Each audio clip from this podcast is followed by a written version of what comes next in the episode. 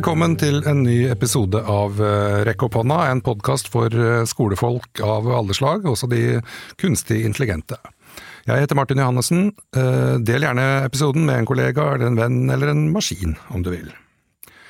ChatGPT skaper stadig bekymringer hos lærere og folk som driver med tekstproduksjon. Det har blitt både berømt og berykta, og blitt kalt både lystløgner og lobotomert. Og nå kommer det en ny multimodal versjon, som betyr at den kan tolke både tekst og bilder, lyder og video. Den, bare sånn for å liksom gi et bilde av hvor stort det er, så kan man si at den forrige modellen hadde 175 eh, milliarder maskinlæringsparametere. Det er altså sånne maskinlæringsparametere som på en måte angir størrelsen da, på verktøyet. Den nye versjonen har 100 trillioner. Det er veldig mye. Denne nye GPT4-modellen er eh, foreløpig bare tilgjengelig for eh, abonnenter, eller sånne plussabonnenter, men det tror jeg faktisk at det er verdt. Jeg har tidligere hatt eh, ChatGPT som gjest her i Rekke opp hånda, og har det også i denne episoden. Og, men denne gang skal vi snakke, eller kanskje chatte om å lage undervisningsopplegg, og hvordan maskinen kan hjelpe mennesker i en travel hverdag. Prompt engineering har eh, blitt en ny type oppgave. Kan vi kanskje oversette til oppgaveteknologi, eller eh, opp, å være en eh, oppgaveteknolog? Altså kunsten å stille gode spørsmål og gi gode oppgaver til en kunstig intelligens som den kan løse. Det er ikke noe egen utdanning på dette, men den kommer kanskje. Så her er det bare å prøve og feile så lenge. Jeg pleier ofte å spørre gjestene om eh, hvorfor de begynte som lærere. Nå har jeg tenkt å spørre ChatGPT om hvorfor den begynte som kunstig intelligens.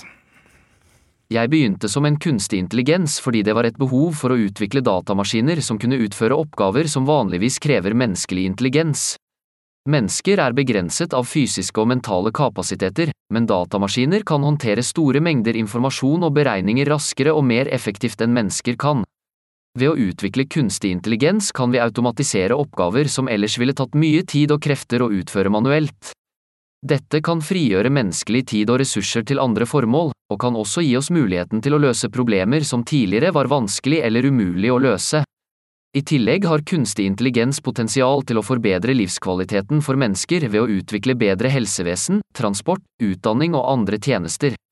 Derfor er utviklingen av kunstig intelligens et viktig felt som kan ha en stor innvirkning på verden vi lever i.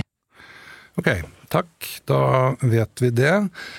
Eh, vi skal altså sjekke ut hvordan kunstig intelligens og ChatGPT egner seg til å lage undervisningsopplegg. En stor og viktig, men også veldig tidkrevende oppgave for eh, alle lærere.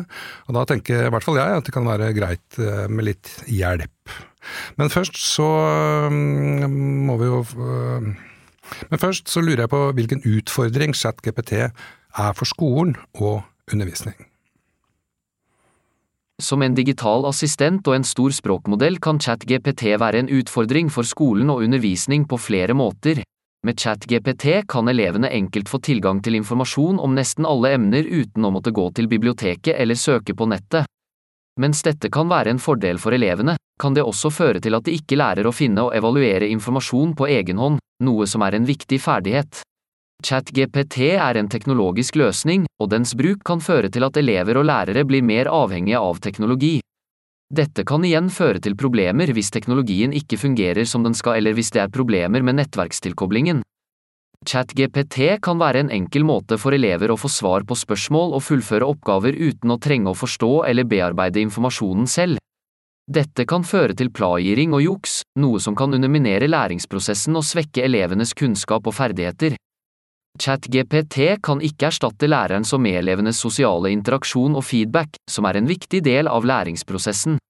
Elever som er for avhengige av ChatGPT kan mangle muligheten til å diskutere og samarbeide med andre, noe som kan begrense deres læringsutbytte.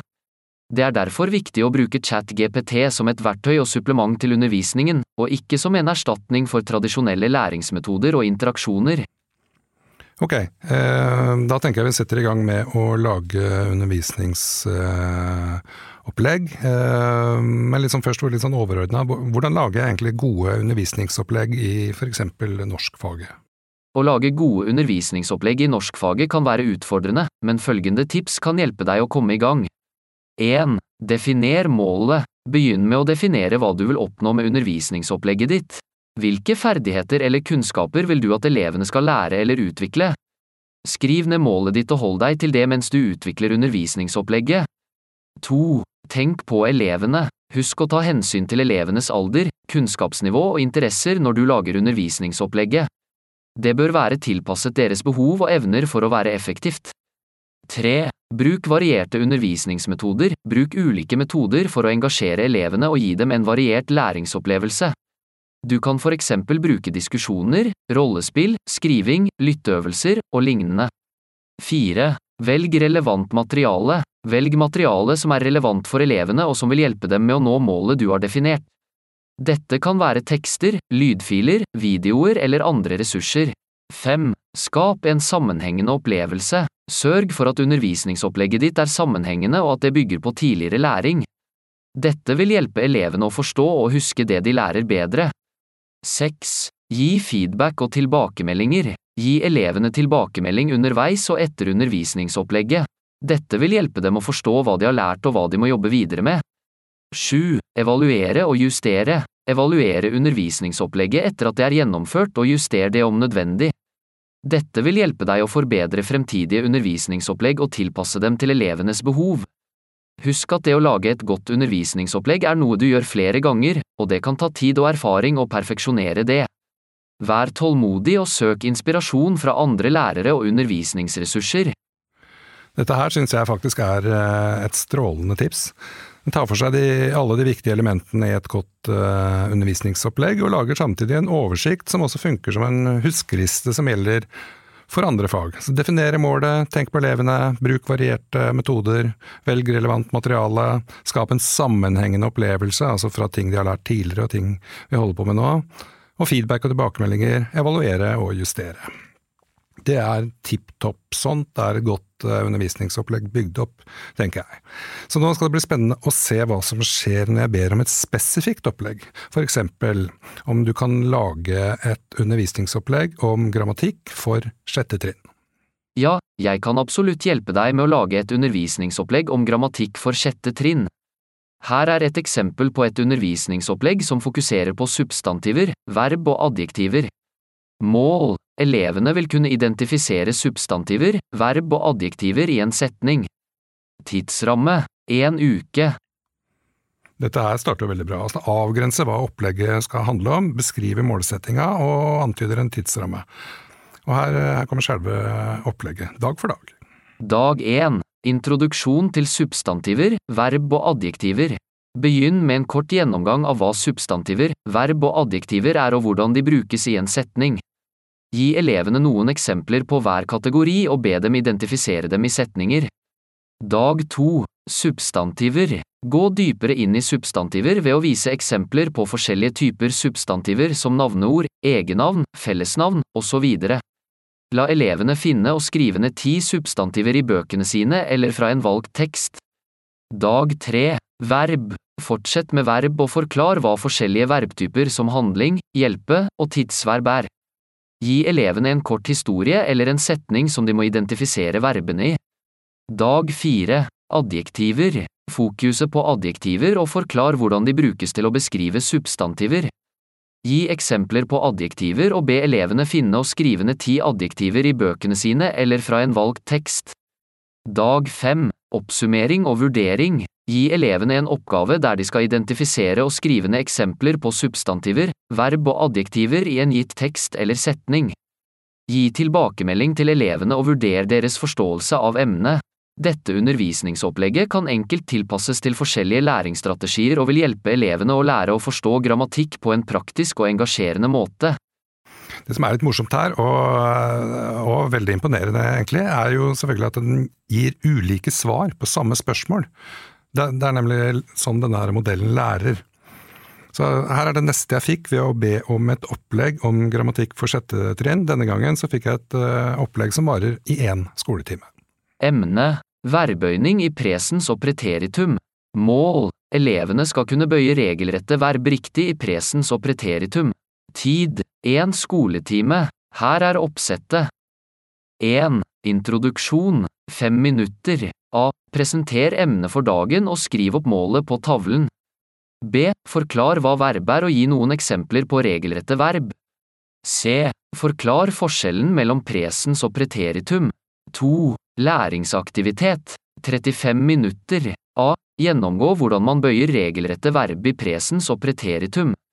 Vis eksempler på tavlen eller i et presentasjonsprogram. B. Gi elevene en liste over regelrette verb og be dem om å bøye disse verbene riktig i presens og preteritum. C. La elevene jobbe individuelt eller i par for å fullføre oppgaven, og gi dem tid til å spørre spørsmål eller søke hjelp hvis de trenger det. D. Gå rundt i klasserommet og gi elevene tilbakemeldinger og hjelp underveis. 3. Avslutning. 10 minutter. A. Samle elevene og be dem om å dele noen av de verbene de har bøyd riktig. B. Gjennomgå svarene og gi tilbakemeldinger. C. Spør elevene om de har noen spørsmål eller om det er noe de trenger hjelp med. D. Avslutt med en kort oppsummering av det som ble lært i dagens leksjon. 4. Hjemmearbeid. 5 minutter. Gi elevene noen regelrette verb og be dem om å bøye disse verbene riktig i presens og preteritum som hjemmearbeid. Materialer, tavle eller presentasjonsprogram for å vise eksempler. Liste over regelrette verb, papir og blyanter. Det er jo veldig gøy at papir og blyant eh, nevnes eh, som eh, materialer her, men gå videre til vurdering og justeringsmuligheter. Vurdering. Elevens evne til å bøye regelrette verb riktig i presens og preteritum vil bli vurdert i klassen og som en del av hjemmearbeidet. Læreren vil gi elevene tilbakemelding på hva som blir gjort riktig og hva som må forbedres. Justeringsmuligheter Hvis elevene har problemer med å bøye verbene riktig, kan læreren bruke mer tid på å gjennomgå reglene og gi flere eksempler.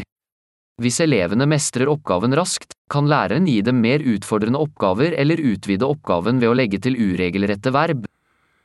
I begge tilfellene her så får du jo fiks ferdig opplegg som du naturligvis tilpasser til eh, din elevgruppe. Virker kanskje uvant å planlegge på denne måten her, men det er, det er, i hvert fall tidsbesparende, det er det ikke noen tvil om. Og du kan jo selvfølgelig kjapt velge mellom uh, ulike opplegg ved å rett og slett be om fler. Det å alderstilpasse undervisningsopplegget ditt kan også være vrient å få til, men også her kan maskinen hjelpe oss uh, med formuleringene. Jeg ba den om å skrive eller beskrive hva et demokrati er, slik at en uh, tiåring vil forstå det. Her kommer svaret. Ja, jeg kan absolutt forklare hva et demokrati er på en måte som en tiåring vil forstå det. Her er en enkel forklaring. Et demokrati er en måte å styre et land på der alle menneskene i landet har en stemme og får si sin mening. Det betyr at folk kan velge hvem som skal ta viktige beslutninger på deres vegne, som for eksempel hvem som skal være president eller statsminister. I et demokrati har alle menneskene like rettigheter, og ingen har lov til å bestemme over andre uten at de har blitt valgt til det av folket. I et demokrati kan folk også snakke fritt og gi uttrykk for sine meninger uten å bli straffet. De kan skrive leserinnlegg i aviser, holde taler eller delta i protester hvis de ikke er enige med noe som skjer i landet. Dette betyr ikke at alle alltid blir enige, men i et demokrati kan man diskutere og jobbe sammen for å finne de beste løsningene for flest mulig mennesker. Kort sagt, i et demokrati har alle menneskene like muligheter til å være med å bestemme og si sin mening om hvordan landet skal styres. Lett som en plett, og svaret kommer i løpet av noen eh, sekunder. Det tar faktisk mye lengre tid å lese det enn eh, det maskinen bruker på å skrive det. Kan du teste ut sjøl på en eh, tiåring, hvis du har en sånn i nærheten. Til sånne oppgaver her, som det, jeg syns ChatGPT rett og slett er suveren. Du kan jo selvfølgelig også forklare, be den om å forklare hva en brøk er til en niåring, eller hvordan man bretter et papirfly, eller du kan forklare kompliserte konsepter på en enklere måte, eller du kan be den svare høflig og saklig på en e-post fra en hissig forelder. Men la oss gå tilbake til undervisningsopplegg. Jo bedre tekst du putter inn, desto bedre tekst kommer ut, altså dette som kalles for prompt engineering. Eh, denne gangen så ber jeg om et tverrfaglig opplegg med fagene norsk, samfunnsfag, KRLE og naturfag, som skal handle om digital dømmekraft, det skal være for ungdomstrinnet. Og jeg er faktisk ganske imponert over hvor ryddig det er. Ja, jeg kan prøve å lage et tverrfaglig undervisningsopplegg om digital dømmekraft for norsk, samfunnsfag, KRLE og naturfag på ungdomstrinnet. Tema Digital dømmekraft. Mål. Elevene skal lære å bruke digitale medier på en ansvarlig måte og utvikle sin digitale dømmekraft. De skal forstå hva som er lov og ikke lov på nettet, og lære å beskytte seg selv og andre på nettet. Fag. Norsk, samfunnsfag, KRLE og naturfag. Tidsramme. Fire til seks uker. Her får vi altså rammene først, tema, mål, hvilke fag og tidsbruk, og så kommer selve oppgavene da, sortert eh, etter fagene som vi har valgt. Norsk. Skriveoppgave om nettvett og digital dømmekraft. Elevene skal skrive en tekst om nettvett og digital dømmekraft. De skal fokusere på hvordan man kan oppføre seg på nettet, hva som er lov og ikke lov, og hvordan man kan beskytte seg selv og andre på nettet. Teksten skal inneholde eksempler fra virkeligheten, og elevene skal diskutere ulike scenarioer og hva man kan gjøre i ulike situasjoner. Samfunnsfag. Debatt om digital dømmekraft. Elevene skal debattere ulike temaer knyttet til digital dømmekraft. De skal forberede seg ved å finne argumenter og eksempler på ulike temaer, for eksempel nettmobbing, personvern, falske nyheter og digital kriminalitet. Elevene skal diskutere ulike synspunkter og vurdere ulike perspektiver i debatten. KRLE Etikk og digital dømmekraft Elevene skal reflektere over etiske spørsmål knyttet til digital dømmekraft. De skal diskutere hvordan man kan bruke digitale medier på en måte som respekterer andre og tar hensyn til deres rettigheter. Elevene skal også diskutere ulike holdninger og verdier knyttet til digital dømmekraft, og vurdere hvordan disse verdiene kan påvirke vår oppførsel på nettet. Naturfag, digital sikkerhet og personvern Elevene skal lære om digital sikkerhet og personvern. De skal lære om ulike trusler på nettet, som virus, phishing og identitetstyveri. Elevene skal også lære om hvordan man kan beskytte seg selv og andre på nettet, for eksempel ved å bruke sterke passord, unngå å dele personlige opplysninger, og være oppmerksom på mistenkelige nettsteder og e-poster. Dette her er jo gode oppgaver, sånn som jeg ser det i hvert fall, så da mangler man egentlig bare en uh, avslutning på opplegget og hva det skal munne ut i. Elevene skal lage en felles presentasjon om digital dømmekraft som de kan dele med resten av skolen. Presentasjonen skal inneholde eksempler på god og dårlig nettvett, og elevene skal også komme med tips og råd om hvordan man kan beskytte seg selv og andre på nettet. De skal også diskutere hva de har lært om digital dømmekraft, og hvordan de vil bruke dette i fremtiden. Og igjen, altså, så er dette her, du vil få ulike opplegg på, på samme spørsmål. Og jo mer detaljert du er, jo mer presise blir eh, svarene du får. Jeg ba den også om å komme med noen forslag til problemstillinger knytta til eh, digital dømmekraft på tvers av fagene, både helt sånn generelt og spesielt for uh, mellomtrinnet. Så her er den generelle problemstillinga først. Hvordan kan vi balansere ytringsfrihet og bekjempelse av hatefulle ytringer på nettet? Denne problemstillingen kan diskuteres i fag som norsk, samfunnsfag og KRLE, der man kan se på hvordan ytringsfrihet er en grunnleggende verdi i demokratiske samfunn, samtidig som det er viktig å bekjempe hatefulle ytringer som kan føre til diskriminering og hatkriminalitet. I naturfag kan man også diskutere hvordan digitale medier kan brukes til å spre desinformasjon og falske nyheter, og hvordan dette kan påvirke demokratiske prosesser og miljøspørsmål. Gjennom å diskutere denne problemstillingen kan elevene lære om hvordan digital dømmekraft kan brukes til å fremme et ansvarlig og inkluderende samfunn på. Og her er eh, forslaget som gjelder for mellomtrinnet. Hvordan kan vi lære elever på mellomtrinnet digital dømmekraft på en integrert måte, som tar hensyn til både faglige og sosiale aspekter? Denne problemstillingen kan være relevant for fag som norsk, samfunnsfag, matematikk og naturfag. Det å lære digital dømmekraft innebærer å utvikle ferdigheter som kildekritikk, nettvett og personvern, samt å forstå konsekvensene av ens egne digitale handlinger. Det kan være utfordrende å lære dette på en integrert måte som tar hensyn til både faglige og sosiale aspekter, men det kan være viktig for å gjøre elevene i stand til å håndtere digitale utfordringer på en ansvarlig og effektiv måte. En slik tilnærming kan bidra til å skape en helhetlig læringserfaring for elevene og forberede dem på en stadig mer digitalisert verden. Begge forslagene hjelper jo meg med å forstå hvordan et begrep som eh, digital dømmekraft kan brukes i skolen. Kanskje visste jeg det fra før, kanskje har jeg lest det et eller annet sted, men jeg husker ikke helt hvor og klarer ikke å finne det igjen. Men her så er det fiks ferdig på få sekunder. Og er jeg ikke fornøyd, så kan jeg bare be om uh, nye forslag. Ok, vi begynner å nærme oss eh, avslutning her. Takk til deg, ChatGPT. Har du noen siste kloke ord? ChatGPT kan gi lærere tilgang til et bredt spekter av kunnskap og perspektiver som kan hjelpe dem med å forbedre undervisningsmetodene sine. Lærere kan bruke ChatGPT til å få ideer om hvordan de kan gjøre undervisningen mer engasjerende og effektiv for elevene sine. Tusen takk. Eh, og hva med elevene, da? Det er viktig å huske at ChatGPT er et verktøy som også kan være nyttig for elevene, men det kan ikke erstatte den viktige rollen som lærere og menneskelige veiledere har med å gi utdanning og støtte til elevene. Det var jo litt betryggende. Og lurer du på hvordan det vil stå til med ditt yrke i fremtida, så kan du bare besøke nettsiden Will Robots Take My Job og finne det ut. Jeg kommer til å følge med på kunstig intelligens og utviklingen av ChatGPT fremover her i rekke opp hånda. Det er veldig mye som skjer, og det skjer eh, tilsynelatende ganske fort. Og ChatGPT er allerede integrert i tjenester som Bing, Microsoft 365 og verktøy som Grammarly, og mange flere er jo på trappene. Og den nye GPT4-modellen er så kraftig at det nesten er skummelt. Så her er det viktig å følge med på utviklinga. Tipser om gruppene The AI Classroom på Facebook, da. Og den norske ChatGPT i Norge, kunstig intelligens i undervisningen, begge på Facebook. Her er det mye relevant for oss eh, skolefolk, og så må du jo lytte til podkasten til Magnus Nord og Eva Brattvold da, som heter Pedagogisk eh, intelligens. De følger godt med. Og takk for at du hørte på Rekke opp hånda. Ny teknologi inntar skolen i stadig mer inngripende grad. Da gjelder det å være godt forberedt. Vi høres.